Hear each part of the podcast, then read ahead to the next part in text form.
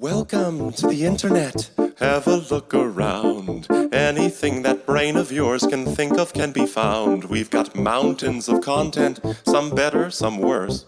If none of it's of interest to you, you'd be the first. Sveiki, kas mūsų klausotės per Spotify e, ir sveiki atvykę į e, Clubhouse live session, e, žinai, ką girdėjau. Ir šiandien turime antrąjį epizodą, bet jau toks vat, pirmas epizodas, kur, na, toks, taip sakant, ne repeticija. Tai tikiuosi, kad bus smagu klausytis ir man kompanija E, palaiko Vytautas ir žiūrėsim, ką čia šiandien sužinosim, nes e, kaip ir yra formatas šito e, pokalbio, kad nei aš než, nežinau, ką Vytautas pasakoja, nei Vytautas nežino, ką aš pasakosiu. Tai va toks bus staigmena ne tik ir jums, bet ir mums patiems. Jo. Vytautai, gal turi dar kažką pridurti? Taip, sveiki, sveiki visi. Ir manau, šis ar pusvalandis ar valanda, kiek tai be užtruk, neprailgs ir tikiuosi ir jūs sužinosite kažką naujo ir mes sugebėsime um, iškomunikuoti kuo geriau kaip mokame tai, ką išgirdome šią ar praeitą savaitę. Tad bandysime tokį formatą pasidaryti grubiai, kad apie 10 minučių pats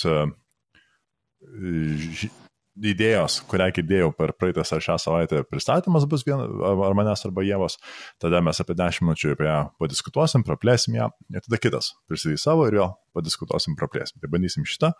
Ir jo, manyčiau, galim nieko daugiau nelaukdami važiuoti. Gal tu Jėva nori šį kartą pradėti kaip pirmoji, kadangi aš praeitą laidą pradėjau tai. Noriu. Gerai, Noriu pradėti. um, Tai aš e, noriu, ką girdėjau ir ką sužinojau, tai apie tai, kad egzistuoja skir trijų skirtingų tip, tipų pokyčiai, e, kurie netgi tam tikrą prasme apsprendžia, kaip e, mums sekasi tobulėti, kaip asmenybėms, kaip žmonėms, kaip specialistams, antrosioms pusėms, draugams ir panašiai. Ir e, šita e, mintis kilo iš e, David Parrott, jis yra Applied Behavioral Scientist and Consultant, tai lietuviškai išvertus taikomojo elgesio mokslo tyrėjas ir konsultantas. Ir jis turi tokį savo blogą, net ne blogą, tokią visą bendruomenę Circles in Time, kurioje kalba apie tai, kaip padėti žmonėms keistis. Ir jisai prieš kurį laiką e, pasidalino tokiu e, straipsniu apie e, kompleksinius pokyčius.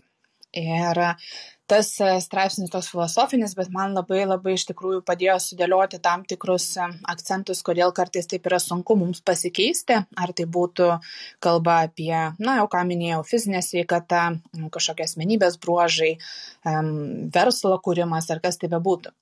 Ir e, jisai savo tam straipsnį išskiria tokius tris pokyčių tipus, kad yra statiški pokyčiai ir jis e, tos e, visus tris pokyčius pristato per augalų auginimo prizmę e, tokiam palyginimui. Tai ir pabandysiu irgi šiek tiek atpasakoti ir papildydama dar savo pačios mintimis. Tai žodžiu, yra statiški pokyčiai, tai kai tu žinai konkretų dalyką, ką tau reikia padaryti, kad pasiektum savo tikslą. Pavyzdžiui, matai, kad tavo augalėlis kambarį kampe savo ten taip liūdnai vysta ir tu e, suprasdamas, įtardamas, kad tai greičiausiai yra dėl to, kad jam trūksta saulės, padarai paprastą veiksmą, perneši augalėlį ant palangės, e, kur yra daugiau saulės. Rezultatas - augalėlio lapai pradeda rodyti atsigavimo ir gyvybės požymius ir tu vat, matai, kad suveikia tavo strategija. Tai m, panašiai kartais ir mums labai paprastų dalykų reikia, kad mes kažkokį pokytį sukurtume. Pavyzdžiui, jeigu vasara karšta, tai ne, nusikerpi plaukus arba nusirengi rūbų, e, mažiau pasilieki. Arba kartais e, žinai, kad jeigu e, tu pamiršti susitikimus ir žinai, kad tau kažkada anksčiau padėjo užsirašyti juos į kalendorių, tai tu gali tą paprastą veiksmą padaryti ir rezultatas turėtų būti kaip ir aiškus, nes jau praeitį praktika parodė, kad tas rezultatas e, gaunasi kokio nori. Tada yra dinaminiai pokyčiai. Tai pavyzdžiui, jeigu tu nori užauginti kokių daržovių ir pasiemi kokį nors vadovą ir ten yra labai aiškios instrukcijos, kad e, turi tokį ir tokį mėnesį tas daržovės sodinti į tokį ir tokį, e, tokią ir tokią žemę. Joms reikalinga tiek ir tiek vietos, tokia um, tamsos ir šviesos, toks šviesos ir tamsos santykis turėtų būti, kad jisai auktų. Na nu, ir maždaug ten kažkurio metu reikia dar tam tikrus veiksmus atlikti. Yra labai aiškus konkretus veiksmai, ką turi padaryti, kad tas augalėlis, tos daržovės tavo užauktų ir tu paskui galėtum nusimti derlių ir draugams įvirti vakarienę. Tai čia gal panašu būna, kai mes, tarkim, nueinam pas sakytum, labai panašus, e, panašų dalyką gaunam, kai nueinam e, pas sporto trenerį ir sakom, vat, aš jaučiu, kad mano kojos yra kojų raumenys per silpni, e, man reikia, tarkim, noriu lipti uola ir kad galėčiau lipti tą uolą, man reikia tos raumenis sustiprinti. Tai sakykit, kokius man pratimus daryti. Ir treneris pasako, kiek ten kartų, kiek kartų per savaitę, kiekvieną pratimą reikia pakartoti tarsi yra aiškus veiksmų planas, jau reikia nebe vieno veiksmo, bet reikia tokio, na, serijos veiksmų. Panašių principų veikia ir visokie, pavyzdžiui, projektų planavimai, kuomet yra strategija braižoma, e, tiksliau gal toks projekto timelinas, tai laiko juosta, kokius veiksmus kas ką turi padaryti, arba tai yra kažkokia įmonės e, strategija, kur yra kažkoks labai konkretus tikslas ir yra labai pamatuoti aiškus veiksmai, kuriuos reikia padaryti, kad to tikslo pasiekti. Na ir tada yra trečioji dalis, tai yra kompleksiniai pokyčiai, kurie, va, pažiūrėjau, jeigu nuspręstum, to tokiuose, nu, paprastai, jeigu taip augalai, jie natūraliai neauga kažkokiuose tokiuose labai šiltnamio sąlygose, kaip kartais mes namuose galim pasidaryti. Ir jeigu e, toks kitas būdas užauginti, tarkim, sugalvoju užauginti kokį nors, nežinau, lapuočių mišką e, ir tu tada nueini ir nežinai iš tikrųjų, kaip tiksliai tą daryti, arba esi tą daręs kažkokio kitojo aplinkoje ir dabar naujojo aplinkoje tą bandai daryti, e, naujojo klimato juosto ir nežinai, kaip tenais bus. Ir tu bandai pasodinę maždaug e, skirtingose vietose tuos e, medžius, žiūri, kaip jiems sekasi aukti, kokios trašos jiems veikia, kokios ne. Paskui galbūt paaiškėja, kad toje vietoje gyvena daug stirnų, kurios tuos ugliukus nugraužia, vadinasi, tau reikia, supranti, kad reikia adaptuoti ir kažkaip apsaugoti, aprišti ar tuos augalėlius. Paskui sužinai, kad kažkokių kenkėjų yra, tai galbūt ten juos ap apdažyti, nudažyti tam tikrais chemikalais. Nu, žodžiu, tokio stebi, kas vyksta, stebi, kaip tavo tas e, miškas reaguoja į aplinką ir, na, darai tuos e, pokyčius. Ir aišku, gale e, kažkur proceso eigoje dalis tų augalėlių žūsta, dalis pasilieka. Ir tokiu būdu, bandymų ir klaidų metodu, tu bandai tą mišką naujojo aplinkoje užauginti. Tai čia, mm, kas atsitinka, kai mes darom pokyčius, kai bandom keisti, savo keliame tikslus keistis um, gyvenime, e, mes labai dažnai pasimaunam ant to, iš kur atsiranda vat, labai daugiau tokios frustracijos, kad nepasiseka pasikeisti, esam nusivylę, aš esu turėjus ir tokią, nu, ne vieną klientą, kai ateina pas mane į konsultacijas ir sako, vat, nu, nepavyksta man ten pradėti sportuoti, arba man vat, nepavyksta būti produktyviai, produktyviam, aš vis vat, pabandau, susiplanuoju savo darbo dieną ir man vis nesiseka. Ir vat, perskaičiau tenais planą, visas rekomendacijas, ten video pasižiūrėjau, kaip būti produktyviam ir vat, kažkaip tai vat, man nepavyksta, nesiseka, vat, lik atrodo darau, bet vat, vis paskui užtingiu ir nebedarau. Ir tokių istorijų kiekvienas mes turim savo gyvenime krūvą, kai mm, jinai prasideda paprastai ta istorija, kai kažkur kažką perskaitom apie tai, kaip galima e, pakeisti dalykus e, ir tapti protingesniu, tapti produktyvesniu, keltis penktą ryto, e, už, užsidirbti milijoną per metus ir, žodžiu, daug visokių, sukurti labai darnius santykius ir panašiai. Ir perskaitam kokį nors straipsnį arba knygą E, ir tada jau sakom, jau va tuoj įgyvendinsim. Nu, bet ir tada paskui iš, iš tos pradinės vilties ilgainiui bandai, bandai tam visai kaip ir kažkodėl kažkur tam motivaciją pametė ar kažkokių tokių kliučių atsiranda. Nu, ir tada toks nusivylęs visas metė ir vėl darai pertrauką. Ir tada čia va irgi dalis žmonių yra, kurie po kurio laiko vėl bando iš naujo ir yra dalis žmonių, kurie tada numeta ir sako, nu ir vėlino eisiu aš dirbti į sandėlį ir man turbūt e, reikės kažkaip taip ieškosiu gal, kad turtingo vyro ar žmonos, e, kad man tuos pinigus uždirbtų. Mm, arba ten, ai, mes ir, ir sėdėsiu, valgysiu čipsus e, ir būsiu laimingas valgydamas tai, ką noriu.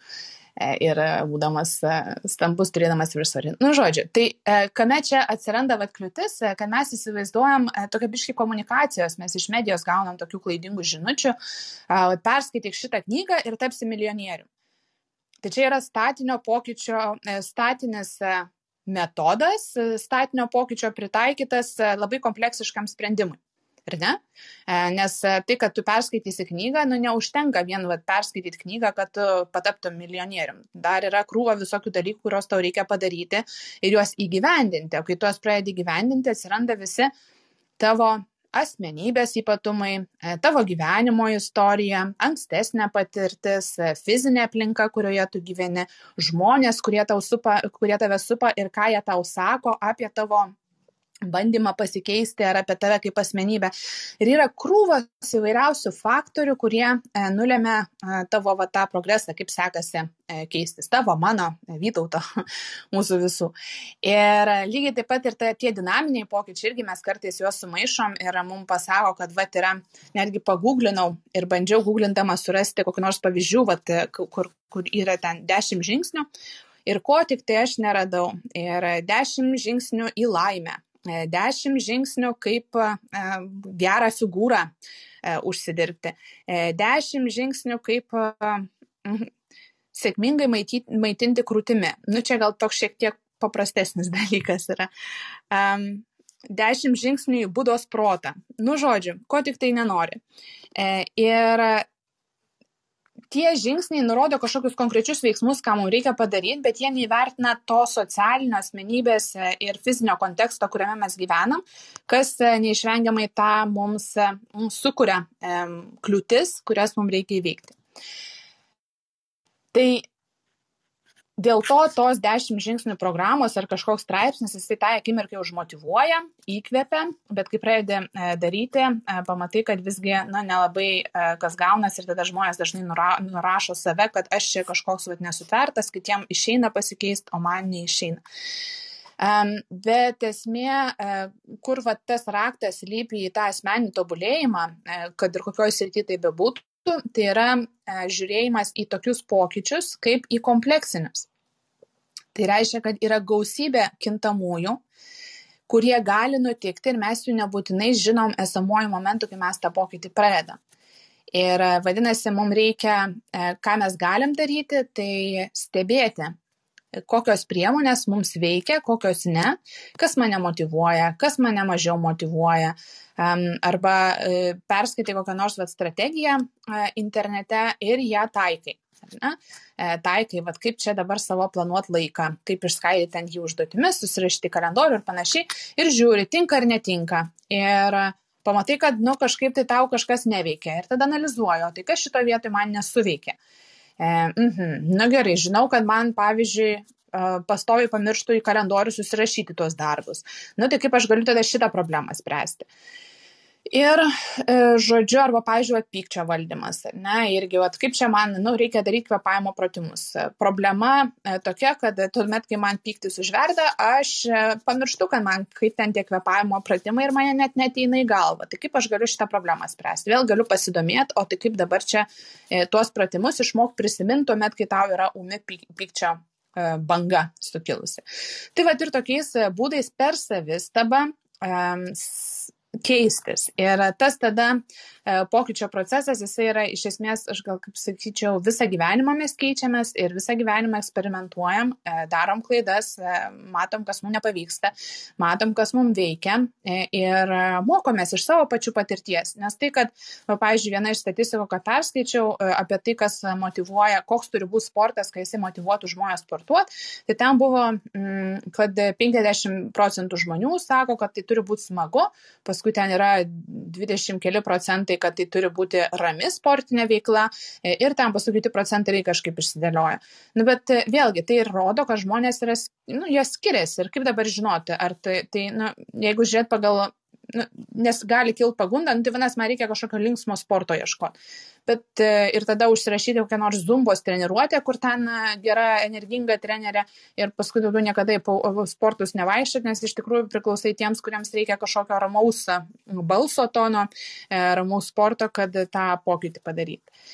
Tai va, tai turbūt mano ta tokia gal į, į, ką aš savo išsinešiau, nes tarkim tas eksperimentatoriaus tokia nuostata, man jinai jau kaip ir buvo žinoma, kad visas gyvenimas ir visi pokyčiai tai yra va toks keitimas ir, ir stebėjimas, kaip sekas keisti ir mokymasis iš savo klaidų e, ir vis tobulinant tą savo strategiją.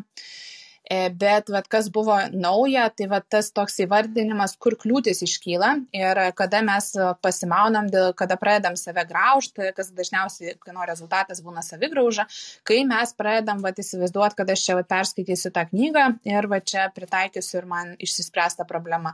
Arba išbandysiu kokį nors vat, metodą, e, laikysiu kokios keto dietos ir numesiu ten svorio.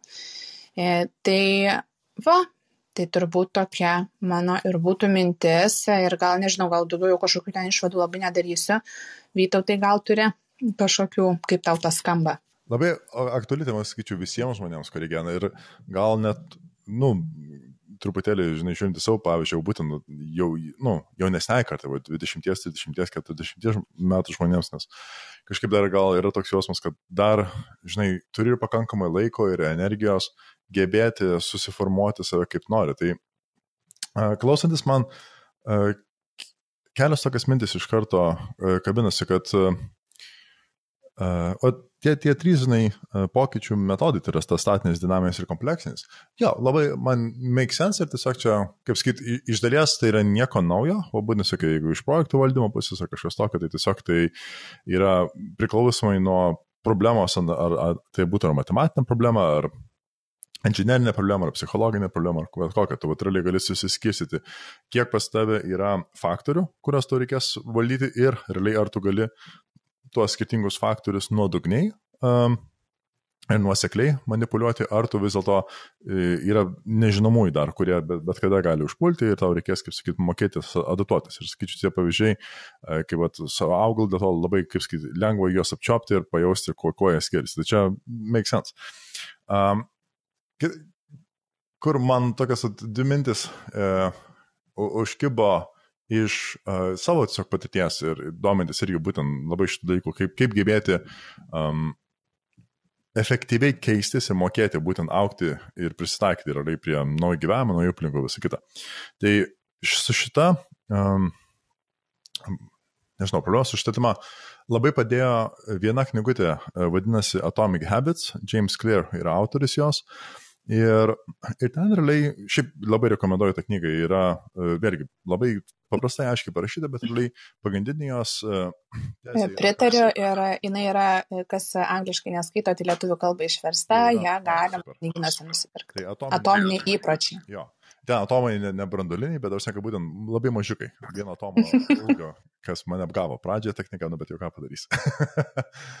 Um, tai tu fizikas pastovi pasimauna čia ant tokių metaforų. Ką padarysi? Gyveni ir mokais.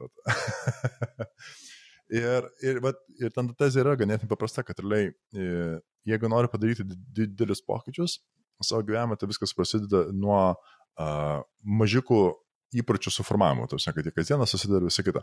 Ir ten, toje ta knygoje viena iš ketinių idėjų, vat realiai tiesiog kitais žodžiais, bet aš dabar kaip mačiau yra pristatoma lygiai ta pati bet, uh, struktūra pokyčių, tai realiai yra, ar tu uh, kažką darai vardan darimo, ar tu darai kažką vardan uh, gebėjimo tą padaryti, tas jam toks biškilesnis, tarkim, kažkokio įgūdžio mokymasis, ar tu darai kažką vardan savo asmenybės keitimo.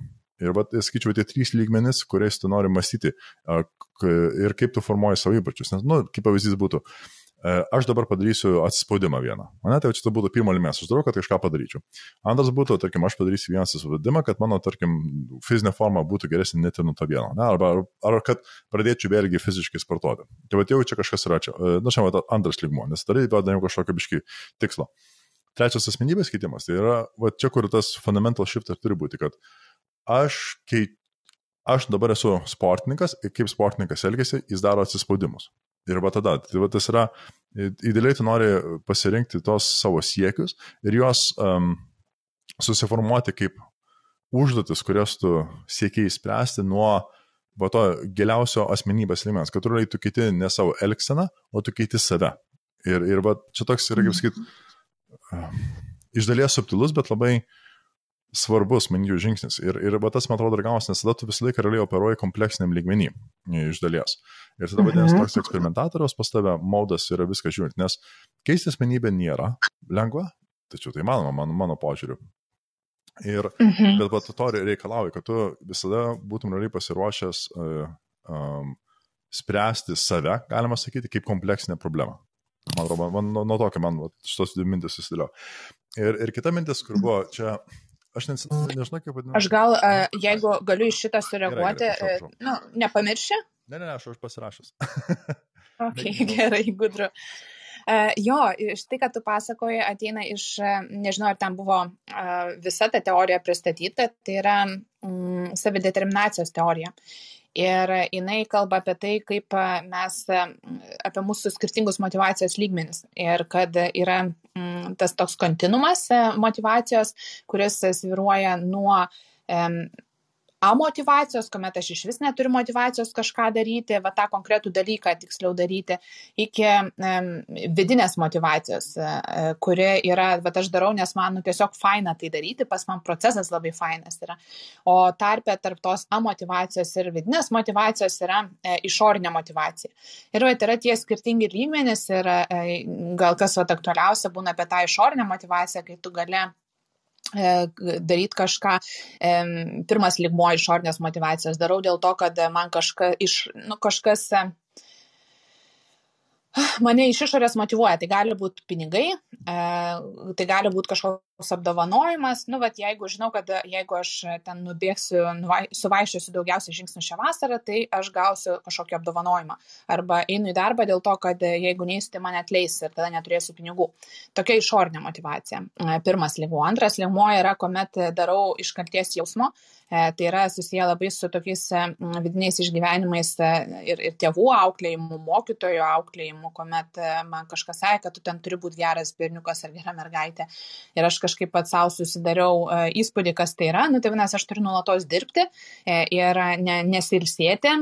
Ir aš tada kažką darau, vat, einu į darbą ne dėl to, kad man patinka pats darbas, bet dėl to, kad aš vat, jausiuosi kaltas, jeigu aš nedirbsiu. Arba ten Nu, nu, tarkim jo. E, ir tada yra trečias e, ligmuo, tai yra m, tokia e, identif, identifikacija, e, kuomet aš, va tai, ką tu sakėjai, kuomet aš tai darau, nes aš esu sportininkas. Aš save identifikuoju kaip sportininką ir e, tas mane labiau, vat, dėl to aš ir einu kiekvieną dieną į sporto salę. E, tai čia jau toks yra, nu, jau dar aukštesnis ligmuo ir dar stipresnė e, ta motivacija. Ir kas vat, irgi, nu, tas tokio per, per tapatumą, kad arba aš esu e, sveikai besimaitinantis žmogus. Ne? Ir tada aš valgau renkuosi valgyti kažkokią ten, žinau, virtą višnios krūtinėlę, o ne um, čipsų pakelį pietums dėl to, kad esu sveikai besimaitinantis žmogus. Na nu, ir tada yra ta paskutinė, kuomet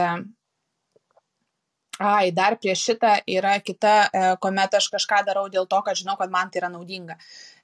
Ir aš žinau, kad man gal nebūtinai labai patinka ten eiti pasivaikščioti kiekvieną dieną, bet žinau, kad aš susirksiu mano ten širdies veikla pablogės, jeigu aš to nedarysiu. E, tai tada va čia dar viena motivacijos rušis. Nu ir tada jau tada yra tas aukščiausias ligmo vidinė motivacija, kai darau, nes man faina, man patinka pats procesas, aš ten kaifuoju nuo tos veiklos. Tai čia mes kalbam, va tai, kad įvardinai irgi yra, taip, tai jau yra tokio kompleksinio pokyčio, vedantis dalykas link kompleksinio pokyčio, suprasti savo elgesio motyvus, e, bet tai yra tik tai viena iš sudėdinamųjų dalių. Dar yra fizinė aplinka, kontekstas, kuriame tu darai vieną ar kitą dalyką, žmonės, kurie tave supa, tavo įsitikinimai apie tą veiklą ir dar daug, daug visokių dalykų, apie kuriuos, na, gali su specialistu kalbėti, gali bandyti analizuoti, skaityti, domėtis knygas ir geriau save suprasti. Jo, bet gal daugiau neišsiplečiant.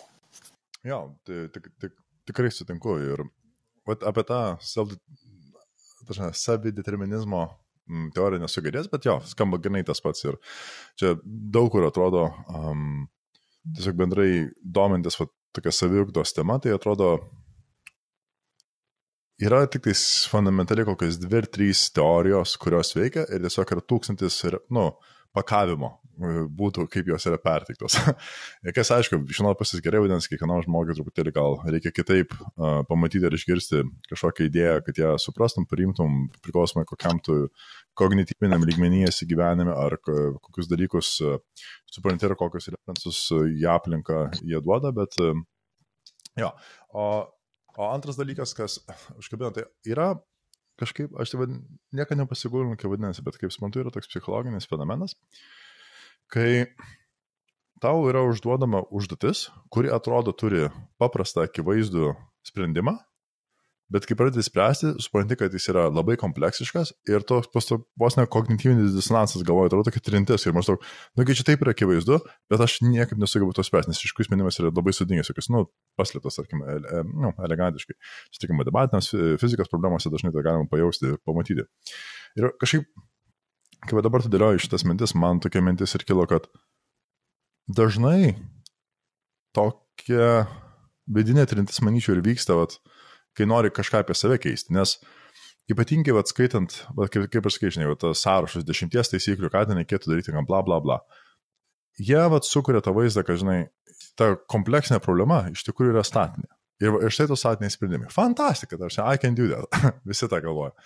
Ir, Linksiu galvą. Jo, mhm. jo, jo. Ir, ir problema yra atsiranda, kad uh, labai greitai supranti, kad, ai ne, Čia problema yra daug gilesnė, subtilesnė ir man dar neįkandamai, kai, tašna, neįkandama. Ir, ir tada dažniausiai, man atrodo, pamačius tą tokią kaip ir kažkokią didelį sieną, barjerą prieš save, kad, a, velnės, aš nieko nežinau, nesuprantu ir nežinau, kaip eiti net į priekį. Ir gaunasi, kad, man atrodo, atsimuši į tą. Ir, ir čia turbūt dar vienas toks momentas atsiranda labai svarbus, kaip ir, uh, ką tu va tuo momentu darysi. Nes jeigu tu ilgainiui nutari kiekvieną kartą, kai tokią sieną pamatai, atsigręžti ją, tai tu, aš skaičiau, čia kaip Pavlovo šuo, tiesiog tu save dresuoji, kad kiekvieną kartą, kai jau tokią nežinomybę, nesvarbu net kokio dydžio pamatysi, tu jau save dresuoji, kad ją reikėtų ignoruoti, nu, reikėtų jos bėgti. Ir ta klausimas, tai gaunasi, kad, žinai, ir klausimas yra atsakymas, kad Tai aišku, kad žmogau, kad, kodėl tau taip yra sunku padaryti kokį pokytį, kad kiekvieną kartą bedarant pokytį, tu save treniruoji, kad um, tas darbas, kurį reikės daryti, tas kompleksinis sprendimas, kurį tau reikės priimti, tu išsitreniravai save, kad nuo jo to bėgti. Ir čia, sakyčiau, toks irgi gaunasi, kad turbūt kognityvinė um, elgseno terapija padėtų šitą biški challenge ir sugebėti pakeisti, nes kaip sakyt, negali spręsti problemos, jos nespręsdamos. Ir čia ar matematikoje, ten, jeigu turi kažkokį lygtį, kur reikia tiesiog galų galę atsėsti ir spręsti, koks tas x yra surasti. Ar tai yra bet, bet kas kitas gyvena. Nu, bet čia gal jau kur mano uh, nuomonė, asmeninė požiūrį susimaišė su uh, teorija, ko, teorijos, kuriam girdėjau. Tai, ja, o tokia pora dalykėlių man, man susigeneravo beklausant tavęs. Jo, e, tikrai pritariu ir tas, e, man atrodo, kad žmonės tiesiog priskiria, e, nes įvardina blogai nesėkmės priežastį, nes jie dažnai ją įvardina kaip asmeninę kažkokią stoką, kad aš kažko nesugebu, kad aš kažko nemoku, užuot nu, įvardinę, kad, nu, vadinasi, aš dar nepakankamai apie save žinau, ar ne? Tai čia yra nu, du visiškai skirtingi, skirtingas santykis su savo kažkokia pro problema ar iššūkiu ir klaida, kurią tu padarai. Jo, ir, ir čia man irgi ta tokia, labai stengiuosi savo šitą taisyklę gyvenime taikyti ir vis dar ją proaktyviai stengiuosi kiekvieną kartą, kai ją pamatau, kad nežin, jeigu vad, surandu tokią sieną, kažko nežinau, nesuprantu, nemoku, tai čia yra kelionės pradžia, negalas. tai va, fantastika. O, dabar žinau, ko. Čia, aš perėjau nuo nežinau, žinau, ko nežinau. Ir čia yra fantastinis dalykas ir dabar va, tokią galimybę pasiemęs, galvoju, viskas. Dabar man reikia tą sužinoti. Ir do it. Taip, visiškai taip. Um, nu ką, kadangi matau, kad jau mano laikas dalies visiškai viršytas yra, uh, Vytautai, ką tu sužinojai ar išgirdai praėjusią savaitę? Ačiū, Jeva, beautiful segway. Čia dabar, žinai, irgi turėtų būti ženklas truputį. Vytauto laida ar kažkas tokio. Nu, reikės. uh, aš irgi svaršiau apie kelias dalykus, kuriuos uh, išgirdau ir kuriuos galvojau. Uh, pakalbėti, bet vieną gal tokį, čia ne iš podcast'o, ne iš knygos ar kažkas tokio, čia tiesiog iš gyvenimo. Ir um, vakar buvom e, viena, nu, giminės e, suėjime, nu ir tiesiog kaip anksčiau ir vėliau suėjimuose atsiranda temos, kurios yra, žinai, apie dabartinius politinius ar visuomeninius reikalus, veikalus, veiksmus ir, žinai, žmonės pradeda nuomonę savo mėtyt, mėtyt, mėtyt. Aš tai nediskusija, tiesiog būtent, kaip skaičiau, būtent yra žodiškas akmenų mėtymas į orą, gal net ne vienas į kitą, kol viskas yra taikiai. Kas viskas tvarko. Na, aš, žinai, kaip mėgėjas dalyvauti diskusijose ir pokalbėse, nu, klausiausi ir prisidėjau ir, nu, dalyvavau tokiam pokalbį. Ir Ten, aišku, buvo ir e, homofobijos tema paimta, ir ten, tarkim, kas dabar Lietuvoje šeimų maršo visas tos tematikos, ir migrantų, ir visi vaikinimo, kas tai būtų. Tarsi visos tos opės jautrus temos. Nu, tai šnekasi, ten vieni iš vieną pusę, kiti už kitą, tarkim, kiti, žinai, aštresnę nuomonę turi, kiti paprastesnę, tokia niuansinė, gal kiti iš vis be nuomonės, nu, ir kaip, kaip ir tokie pokalbiai vyksta. Ir linko bedu. Tokio pokalbio metu aš supratau, kad labai dažnai, kai kalba yra pateikiama, ne kalba, kaip, kai idėja yra pateikiama su emocija už ją, bet kokią emociją, kuri ją, tą idėją perneša, dominuoja pačią idėją. Ką turiu menį? Kad jeigu aš dabar turiu Na, nu, tai tarkim, jeigu ateitų uh, Einšteinas, žinai, sugalvojęs įrodymą A lygu MC kvadratu, ta, nu, visiems žinoma, ateitų ir jis vietoj to, kad pristatytų ją kaip idėją, kaip matematinį įrodymą, kad vat, taip yra, o jis, tarkim, nu ten labai emociškai, agresyviai, tarkim, pultų ir maždaug jūs jūs idiotai, kaip jūs nežinote, kad va čia yra geriausias dalykas, nu, kaip pavyzdys, kažkas tokio būtų, ne? Tai realiai nepaisant, kad, tarkim, idėja, kurią jis bando pateikti, yra geniali ir realiai pakeičianti um, dabartinį visos žmonijos suvokimą apie pasaulį, tokia idėja būtų atmesta vien dėl to, kad ta emocija, kuri buvo perteikta, buvo būtent atgrasanti nuo to. Ir, ir kamet pastebėjau, kad, tarkim, vat, buvo vienas, e, vien, vienas iš diskusijos taškų buvo apie uh, LGBT pliuso maršus. Čia Lietuvoje, kur Vilniuje, ar ką neturėtų vykti visą kitą. Na nu, ir tai, tas klausimas, nu, ten, ir tas argumentas, kad aš nesuprantu, kam, kam čia tie maršai, ba, ba, ba, ba, ba. Na nu, ir aš klausau tų diskusijų ir aš paskui kažkaip taip klausau ir aš bandau suprasti, kodėl kažkas man nesiriša galvoje. Aš suprantu, ką jie sako, aš suprantu idėją, bet kažkaip nėra tokio kognityvinio vientisumo, ką aš girdžiu. Ir aš suprantu, tada, vadinasi, dar reikia geriau klausyti. Įdomu, vat, kažką naujo sužinau. Gerai, žiūriu.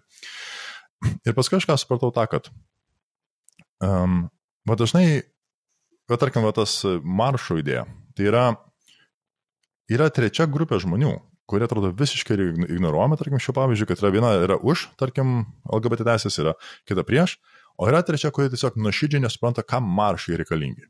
Ir jie šitą komentuoja. Jie komentuoja visiškai trečią dalyką, kurį nesusiję nei ten su žmonėmis teisės, nei partneriais įstatymu, kažkas tokio. Jie tiesiog sako, nu žinai, aš nesuprantu, kodėl žmonės būrėsi į maršus. Ir va čia jų yra va, tas toks asmeninis vos ne, pet pyv, tos asmeninis, mm, net, net, net nežinau kaip lietuviškai pet peeve, nu, bet uh, realiai, va, va dėl ko jie yra nepatenkinti. Nesvarbu, apie ką tas maršas. Ten galėtų būti bulvių maršas su įtu, ar, ar visiems ledus duosim nemokamai maršas, bet koks. Jie vat būtent maršo idėjos nesupranta.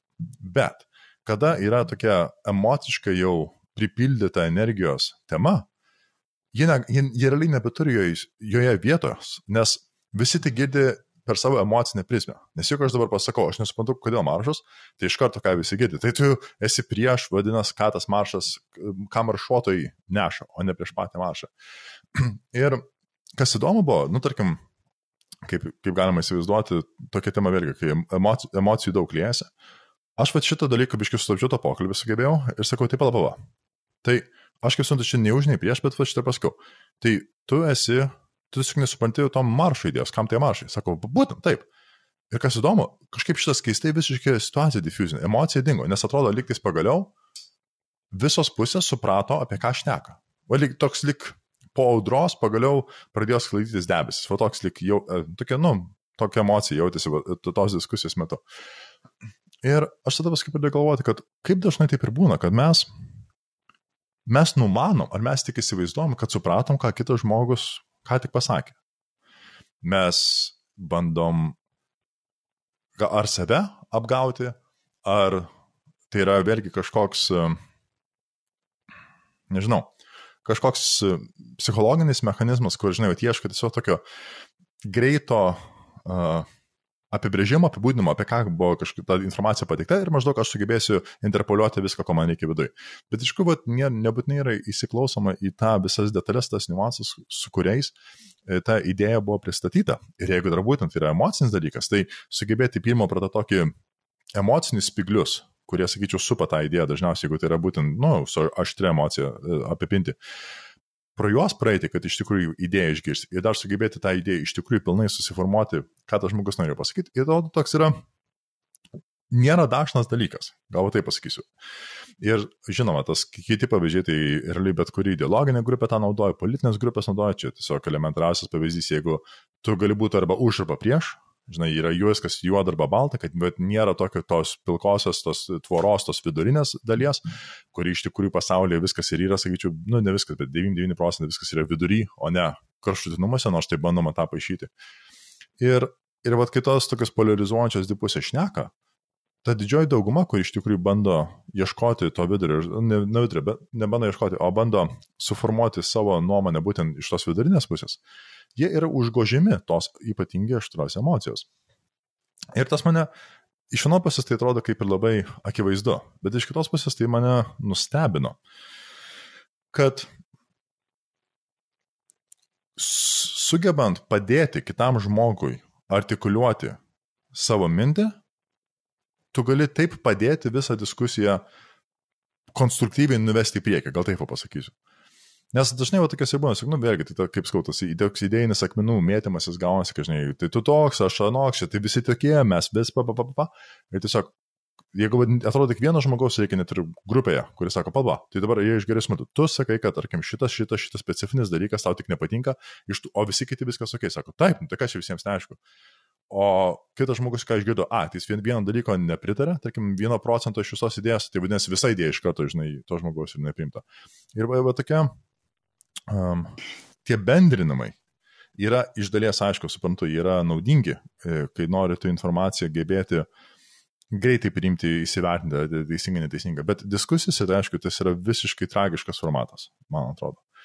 Tai um, link, linko vedu, kad jeigu mano įžvalgos čia yra teisingos, kas man atrodo bent šią sekundę taip, bet gali būti, kad rytoj viskas ir pasikeis, kas yra tame fantastika, vadinasi, mes augom ir aš augau. Bet atrodo, kad tada vos net defaultinė, tokia pagrindinė automatinė reakcija reikėtų ugdytis, kad iš, išgirstant bet kokį argumentą, aš noriu naudoti strongman argumentą prieš tą. Ką tai reiškia, kad vadinasi, aš noriu pateikti tą patį argumentą žmogui pasitikslinti, ar aš gerai suprantu, tačiau dar aš noriu sustiprinti, kiek tai galiu tą patį argumentą. Tai nes yra, nu, šitie dvi e, skirtingos pusės. Tai vienas būtų stromen vadinamas, tai aš nežinau, šiaudinis ar kaip, šiaudinis žmogaus, ar, ar kaip lietuviškai vis, aš nieką nepasižiūrėjau. Tai realiai, kai tu bandai apsukti, realiai sumenkinti kito žmogaus argumentą, paimdamas kažkokią dažnai um, abstrakčią arba net nerealią to argumento pritaikymo verslą, sakydamas, va, matai, šitoj nerealioje situacijos neveikia, vadinasi, ir bet kur neveiks. Bet, nu, tai bandai nurašyti. O Strongmanas atvirkščiai sako. Arba paimi iš vieno, e, iš viso, visos litanijos argumentų vieną, kuris tau netinka. Ir tada variant jo. Viskas subyra, jo. Mm. O, o kita pusė būtent yra Strongmanas, kur ir va, čia iš tų, tarkim, dabar populiarių intelektualų, tai Sam Harris tą labai va, naudoja ir labai teisingai, man atrodo, skaičiu Jordan Peterson, kiek, kiek matau, aš irgi tą dažnai naudoju. Nu, ir daug tokių, ir um, Gad Sad, manau, tikrai tą irgi naudoju, tiesiog jų tikslas yra būtent um, pateikti tą argumentą kuo stipriau, nes dažniausiai, jeigu, tarkim, šiaip argumentas va, yra ideologinis krysas kažkas tokio, tu pateikdamas jį aiškiai, stipriai, fundamentaliai, tu iš tikrųjų kaip tik parodai, kurie trūkumai yra. Ir nuo to, kas įdomiausia, kad šitoje vietoje tas žmogus, kuris patikė pirminį argumentą, kuriam, kuriam tu padėjai sustiprinti jo argumentą ir parodyti, ant kiek jis yra pilnas, bet to pačiu, kur jo spragos yra. Jie nepyksta. Nes pirmą tai vadinasi, aš tą žmogų išgirdau, tu tą parodai, aš jį pasistengiau suprasti, kiek tai galiu. Trečia, aš ne tik pasistengiu suprasti, aš dar stengiuosi padėti tam žmogui sustiprinti tai, ką jis jau galvoja, kas yra iš viso, žinai, dosnu, net sakyčiau, iš tavo pusės. Ir ketvirta, jeigu pasiekmėjai būtent ir pasirodo, kad ar, tarkim, tik viena to argumento dalis, kur reikėtų patobulinti, ne, viso, ne visas argumentas, tarkim, yra, ar kaip tik, kad, žinai, jeigu mes sustiprinus matome, kur tos spragos yra akivaizdžios ir mums geriau šitą mesti į šalį, žmogus atrodo yra labiau tada linkęs tos pokyčius daryti. Taip man atrodo. Ką maždaug, jo, ačiū, liuks, gerai, mes tą galim dėti. Ir tai va, tai re, rezimuojant gal, man atrodo, pirma tai yra, reikia būti ypatingai budriems su savim ir vis pasičekinti, ar mes iš tikrųjų, ar kai kažką išgirdai, ar iš tikrųjų tu išgirdai tai, ką tas žmogus norėjo pasakyti, o ne išgirdai tai, ką tu nori išgirsti, ką jis pasakė. Ypatingai jeigu tai yra tau emociškai svarbi tema, kas tai bebūtų. Antras dalykas, sakyčiau, būtent praktikuotis tą strongman argumentaciją. Tai žinoma, reikia pirmą tai nebijoti išgirsti stipresnį argumentą negu savo.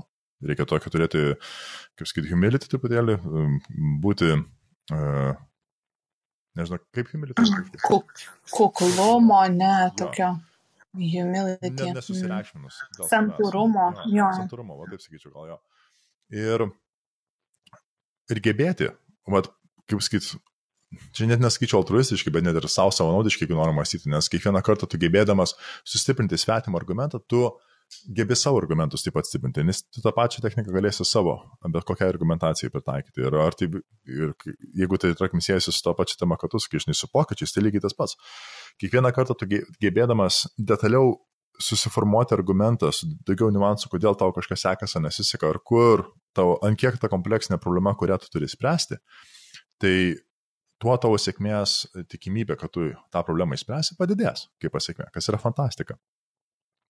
Ir, ir trečias dalykas, elementarus yra, kad um, ir, ir čia truputėlį aš nesiniai klausiau, um, buvo kitokiose pasikalbėjimuose Gabrielis Landsbergis ir jis apie tai išnekėjo, kad būtent, žinai, Seime, nesvarbu, ant kiek argumentų, tas netutinis argumentų už bet ką, su, ten, su skaičiais, su statistika, su moksliniais straipsniais, žmonėms yra daug svarbiau emocija, nes, mokslinio instinktyviai, mes esam um, kaip žmonės, kaip, kaip padaras, uh, daug mums yra paprasčiau, turim mažiau energijos naudojantis mechanizmą tiesiog įvertinti situaciją pagal emociją, o ne iš tikrųjų vėlgi ieškoti kas už jos. Tai, tai va trečias dalykas, linkiu tiesiog sugebėti um, nepasiduoti tam emociniai reakcijai, kuri, tarkim, pirminė, ar tai pozityviai, negatyviai būti, bet uh, gebėti ir kantriai išklausyti ir pasimti tą sekundę, dvi ar penkios ar dešimties, uh, iš tikrųjų pasinalizuoti ir paklausyti pač, pačio savęs ir galų galėtų kito žmogaus paklausti, ar iš tikrųjų supratai tai, ką tas žmogus norėjo pasakyti. Tai va tiek sakyčiau. Na, žinai, tu kaip pasakoji, pradėjai pasakoti, tai aš labai atpažinau save turbūt būnant netgi ir kartais toje, situa toje pusėje, kur, mm, kur užvaldo tos emocijos ir biški nelabai pradedi girdėti, ką, ką, ką kitas iš tikrųjų sako. Tai esu ir to, ir toj pusėje buvusi.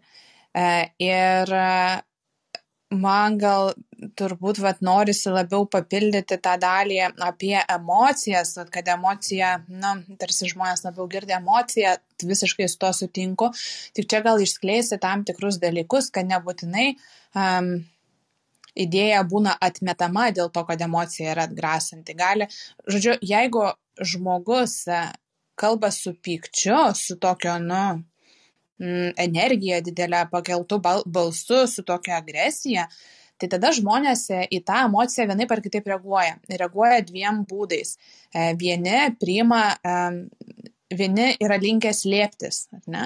Ir jie, mm, aš čia dabar galvoju, labai daug variantų kyla. Vienas tai yra slėptis, aš tada e, net nebeargumentuosiu daugiau, nes aš bijau, kad mane suvalgys e, ir tiesiog toks įsijungia bejėgiškumas, kad, na, aš vis tiek negebėsiu apginti savo nuomonės, garsiau rėkti už jį.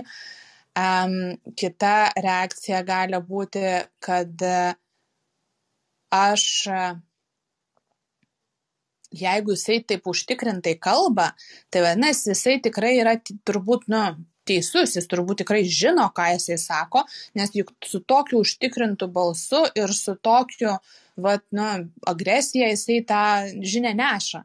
Ir tada toks būna, kad patikė, ar ne, kad visgi tai, ką jisai sako, nu gal visgi yra tiesa ir gal čia pas mane yra klaida. Ir jeigu esi linkęs e, labiau galbūt toks e, abejoti, tai um, ir nemanyt, kad esi visur teisus, e, tai gali šitą vietą labai pasimauti ant kito žmogaus, o būtent tos emocijos, net tada jau nebelabai e, analizuodamas pačių argumentų.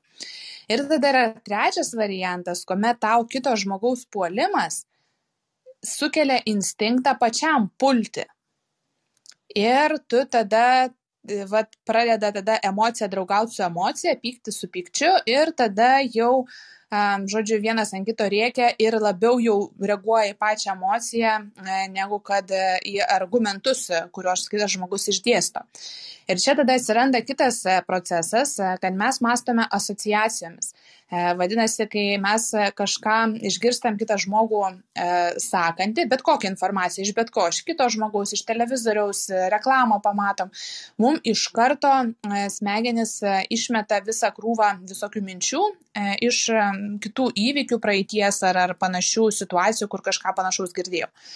E, tai mes e, ir tose asociacijose labai lengva paskesti, nu, nes tu tada labai jas susitelki e, ir, ir, ir tada yra labai sunku, tada kyla labai noras, at iš karto, ypač jeigu tau labai aiškiai pasako tokią idėją, kuriai tu žinai, kad tu nepritari, kaip ten būtų ir ten šeimos maršas, ar ten LGBTQ maršas, žodžiu, kai tau aiškiai idėja, tai tu tada jau galvoji, aha, tai iš čia dabar paminėjau LGBTQ, vadinasi, čia apie tai yra ir tada jau tu galvoji gal, krūvą argumentų savyje, kaip tu atremsi jo argumentus ir nebegirdi, ką jis išneka.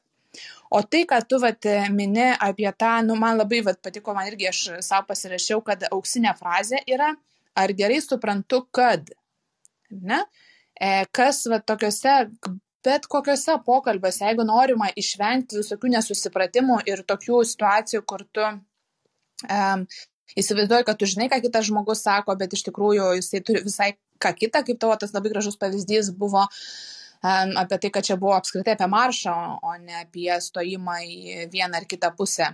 Uh, tai tas klausimas jis labai padeda. Ar aš gerai supratau, kad tu nepritari um, ten, tarkim, šeimų maršui, ar ne?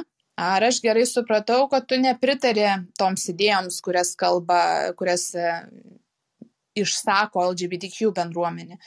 E, ir tas tada gali kitam žmogui padėti su, su, sugražinti, ta prasme, pasitaisyti, ar ne, arba leisti kitiem išgirsti. Ir tai, ką tu padarėjai toje situacijoje, tai va būtent tu tą ir padarėjai. Tu sugražinai tai, ką tas žmogus e, iš tikrųjų bando pasakyti. Ir tada kiti, iš tikrųjų, nu, jie turėjo galimybę išgirsti, a, tai visgi čia biški mes net tą temą diskutuojam. Um, tai va tai mano gal turbūt vat tokios mintys kurios kilo bet tuo pačiu žinau kad su tom emocijom labai labai kartais būna sunku susitvarkyti ir a, ypač aš atsimenu mūsų tą a, diskusiją kai mes susitikom aptarti šito klubhauso ir tada mes diskutavom apie tą apie mokslą ir apie psichologiją ir apie bandymą kažkaip, vat, nu, psichologijos moky, mokslę daugiau objektivumo įnešti kiek man tada viduje emocijų kilo ir virė ir buvo nu, labai sunku mm, pro jas, labai reikėjo daug pastangų įdėti, kad e, pro jas girdėti mm, tavo mintis ir nepriimti to asmeniškai kaip polimo mano profesijai ir tyrinėjimo metodams. Um, o e, eit su tavim, žinai, tą diskusiją ir ieškot galbūt to objektivumo arba padiskutuoto, kur čia, kiek čia iš tikrųjų yra to objektivumo e, socialiniuose moksluose ir kiek jo nėra ir kiek jo galima gauti. Nu, tai žodžiu, tos, tas tikrai pro savo emocijas prasigrūsti yra sunku, o jeigu dar kitas emocijom užverčia, nu, tai jau tam liūnė tenais abu ir murdosi. Tai... Jo, čia fantastika, kad tą pasakai, nes um, dėl, čia irgi keli dalykai, ko norėsiu papildyti, būtent, tai pirmas, kaip mes, nu, diskutavom apie tą e, objektivumą socialinėse mokyklose ir panašiai.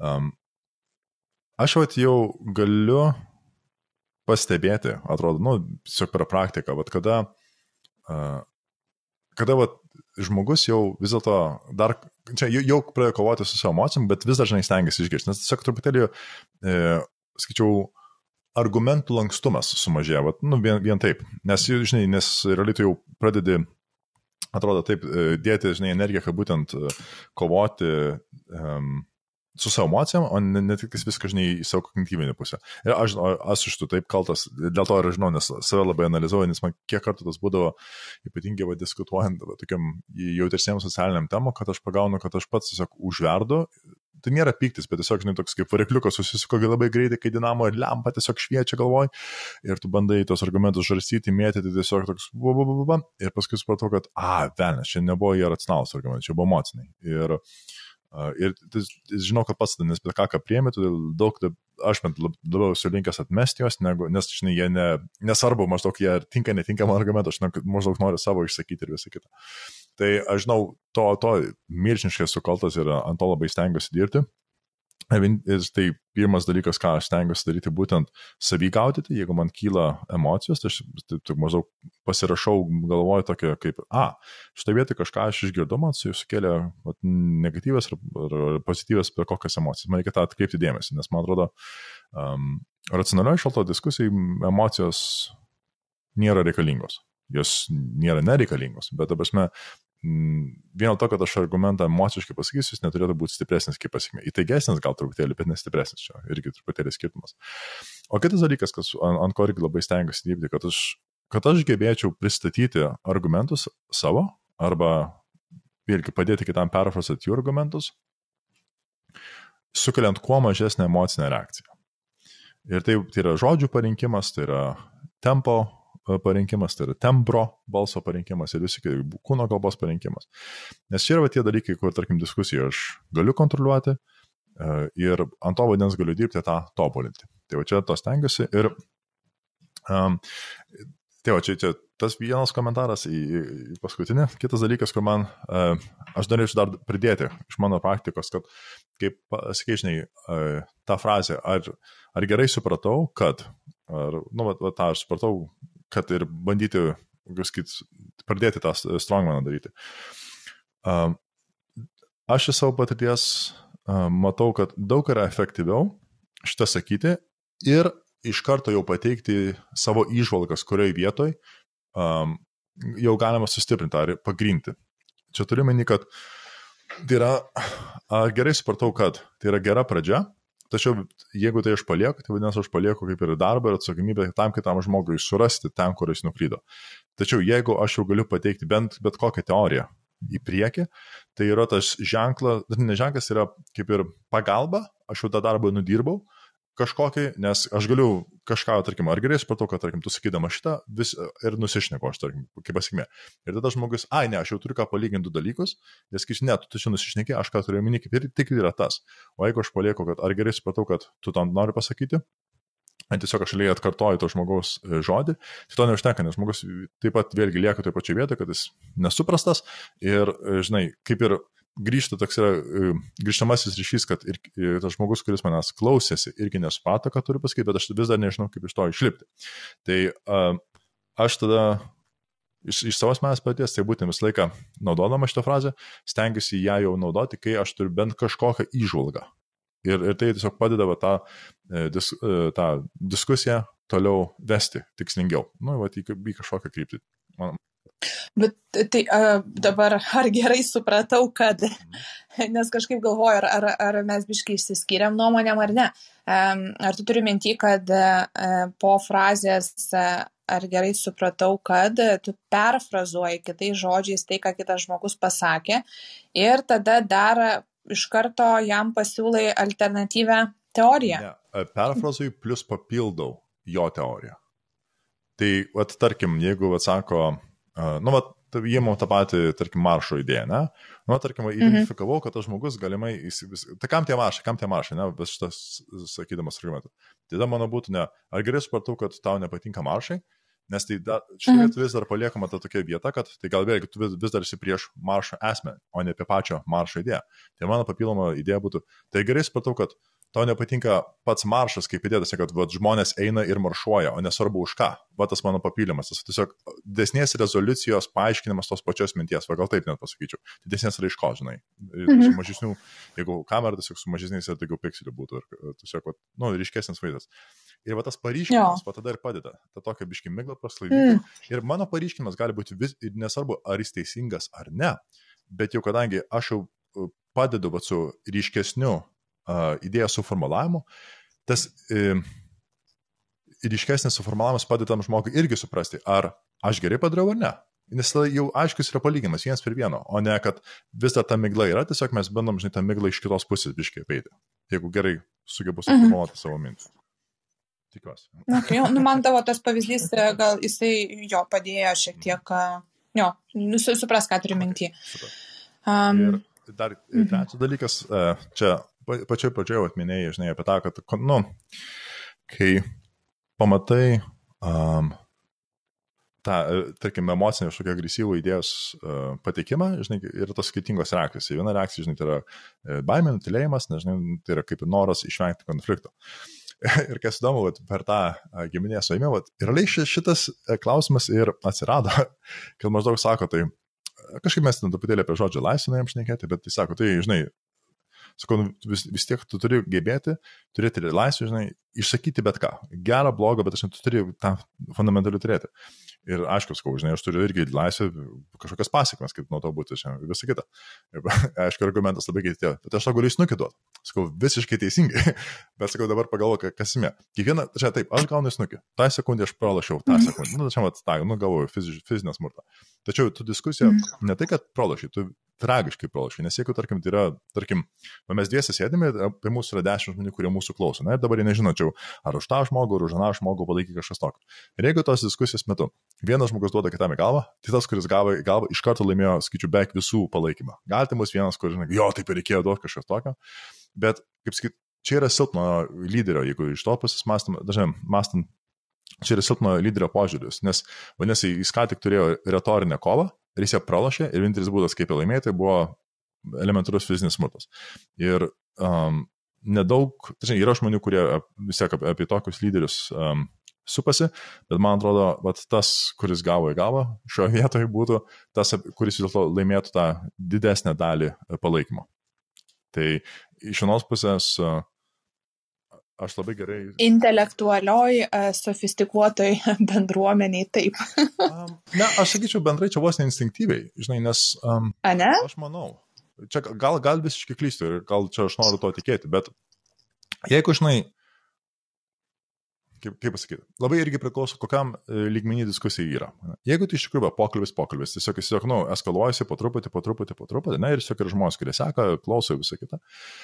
Tas net lyg taisyklės yra, kad mes bandom dabar, kaip aš tada sakau, žinai, atsakyti savo bazarą, žinai, kurio bazaras geresnis, tai mūsų avatarai bando padaryti. Tiesiog du žmonės, žinai, žiūri, kuris yra geresnis foto vietos su savo argumentais, kitą. Tai gali būti, nes nereikia ten kažkokių labai, žinai, įmantrių argumentų, bet tiesiog vis tiek tai yra kaip ir žodinė kova. Ir tą pačią sekundę, kai žodinė kova perina iš vienos pusės į fizinę, visi žino, kad, a, tu jau pralašiai. Iš karto, tas labai instinktyvus dalykas, man atrodo, toje vietoje. Čia tas pats, kai būna, žinai, um, jeigu, tarkim, ten irgi kažkas vieno, nu, nu, piktas kažkoks dėdė, ten ir raunasi, ten, žinai, agresiją rodo, ir kažkas sugeba labai tiksliai pasišaipyti iš to žmogaus, tai vadinasi, jie tą fizinę konfrontaciją, jie ką tik permetė į retorinę ir ją laimėjo. Tarsi, nu, visiškai pašaipė, žodžiu visi iš karto pradeda juoktis, nu ir grinai, čia puf, tokį psichologinį smūgį duoda. Ir man atrodo, to vietoj labai panašus efektas, nu, toks reversinis. Ir vad kiekvieną kartą, um, uh, ne kiekvieną kartą, bet dažnai, man, man taip atrodo, kad dažnai um, tu gali vat, pralaimėti tą gal kovą, gaudamas į veidą asmeniškai, bet jeigu tavo būtent buvo tikslas kažkokią idėją stiprinti, formuoti, už ją kovoti, tai tokiu atveju tu toje grupėje laimėjai tą. Ir žmonės vis tiek priims tavo tą idėją kaip stipresnė vien taip pasiekmės ir atrodo, kad tas žmogus, kuris prieš ją buvo, vienintelis būdas ją buvo užtildyti, tai jau fizinis smurto duoti, kas, žinai, kaip yra, kaip ir, nu, ne, ne, ne tos kovos taisyklės. Nežinau, kaip tik susiformuot galą, bet... Nu, Aha, tas, žinai, nu, man gal turbūt aiškiau, nu, gal tas susidėlioja ir galėčiau pritarti tam, jeigu mes darom prielaidą, kad tas, kuris naudoja ne smūgius, o žodžius, e, neprovokavo. Taip, taip, taip. Tai jeigu jo, jeigu tas neprovokavo, tai turbūt jo, turbūt tokiu atveju vis tiek būtų palaikomas tas, kuris neperėjo į fizinį lygį. Jo, nes jeigu tenais tu stovi, tai duok man į galvą, duok man į galvą, ką ten tu, kad toks anoks, tada jau, nu, jau, prašai, fair enough. Bet jeigu iš tikrųjų, žinai, aš mhm. vis duodu argumentus ir, ir tie argumentai, sak, nu, kitas žmogus, ir aš suprantu tą frustraciją, žinai, kad esu, nu, fuck, kaip tu žmogus gali nesuprasti, reikia tau duoti galvą. Bet būtent, tikrasis instinktas, jeigu tu tokia mintį, bent aš mąstu, jeigu aš tokią mintį turėjau, kad, ah, kaip aš nežinau, kad duotų žmogui galvą, Tai reiškia, kad tiesiog aš neturiu, neturiu kaip retoriškai atmušti tą argumentą. Čia yra mano silpnybė ženklas, nestiprybės visiškai. Nesvarbu, ar aš ten fiziškai mm. galingas būčiau, ar kas tokio. Bet jeigu aš ir yeah. išgirdau argumentą, prieš kurį mano instinktyvi reakcija yra trenkti tam žmogui norėti, ar ten subaldoti, kas tai būtų, tai yra kaip tik mano silpnumo išraiška, o nestiprybės. Hmm. Man taip atrodo.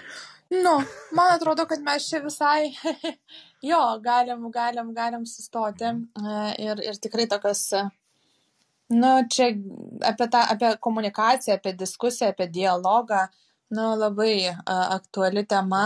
Kažkaip, man atrodo, abi temos, kurias šiandien palėtėm, jos yra tokios apie labai žmonėms svarbius dalykus, su kuo kiekvienas, kiekvieną dieną turbūt susiduria. Sutinku šimtų procentų. Ir iš savo pusės, va, tiesiog norėčiau palinkėti, kad nebijok žmogau, beklausantis, ir savo tą patį sakau čia, išgirdęs tai, kas tau nepatinka, pasimti kelias sekundės, suvirškinti, ką tu iš tikrųjų išgirdai. Ir paklausti savęs to klausimą. Ar ką aš iš tikrųjų išgirdau? Iš tikrųjų. Ką aš iš tikrųjų išgirdau? Bet čia tas yra m, mm, pabrėžtas tie, tie žodžiai iš tikrųjų. Ar aš, ar aš galiu būti teisingas savo, ar aš priemu tą tiesą, kuri yra, o ne kokią norėčiau, kad būtų. O to norėčiau palinkėti. O dar aš pratęsiu, jeigu e, visgi nerandi to atsakymo, ar tikrai išgirdai tai, ką išgirdai, visada galima paklausti kito žmogaus ir pasitikslinti. Visiškai teisingai. Visiškai teisingai. Nu, va, nu, man kažkaip e, būtų iš tikrųjų buvę faina, jeigu dar e, kažkaip ir tie, kas e, klausosi galbūt Spotify ar kitose platformose, nu, kažkaip sureaguotų, gal turės kažkokių savo minčių. Um, ir ilgainiui tikiuosi ir ta Clubhouse mūsų bendruomenė plėsis. Um, dabar lietuvių ir šiaip čia yra labai mažai. Uh, ir turėsim tokių gyvų dalyvių diskusijos. O mums vis dar reikia treniruotis tilpti laiką, nes mes vėl išsiplėtėm. Matai, kadangi neturėjom uh auditorijose teko patiems, žinai, būti ir ją.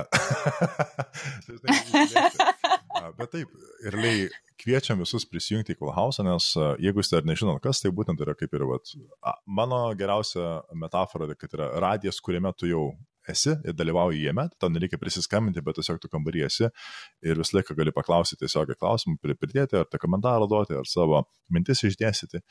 Ir mes tikrai, manau, kalbėdamas ir už Dievą, ir už save šioje vietoje, jei tai galima, būtume labai laimingi, kad atsirastų žmonių, su kuriais irgi būtų galima tas idėjas padiskutuoti, kaip ir praeitoje laidoje. Tikrai tas buvo smagu, naudinga. Ir tada irgi supranti, kad net tos pačius žodžius, kuriuos tu pasakėjai, kiekvienas žmogus truputėlį kitaip išgirsta ir gal turi kitokių išvalgų, kurios vėlgi tau padės, kaip pasiekmė, būti geresniam. to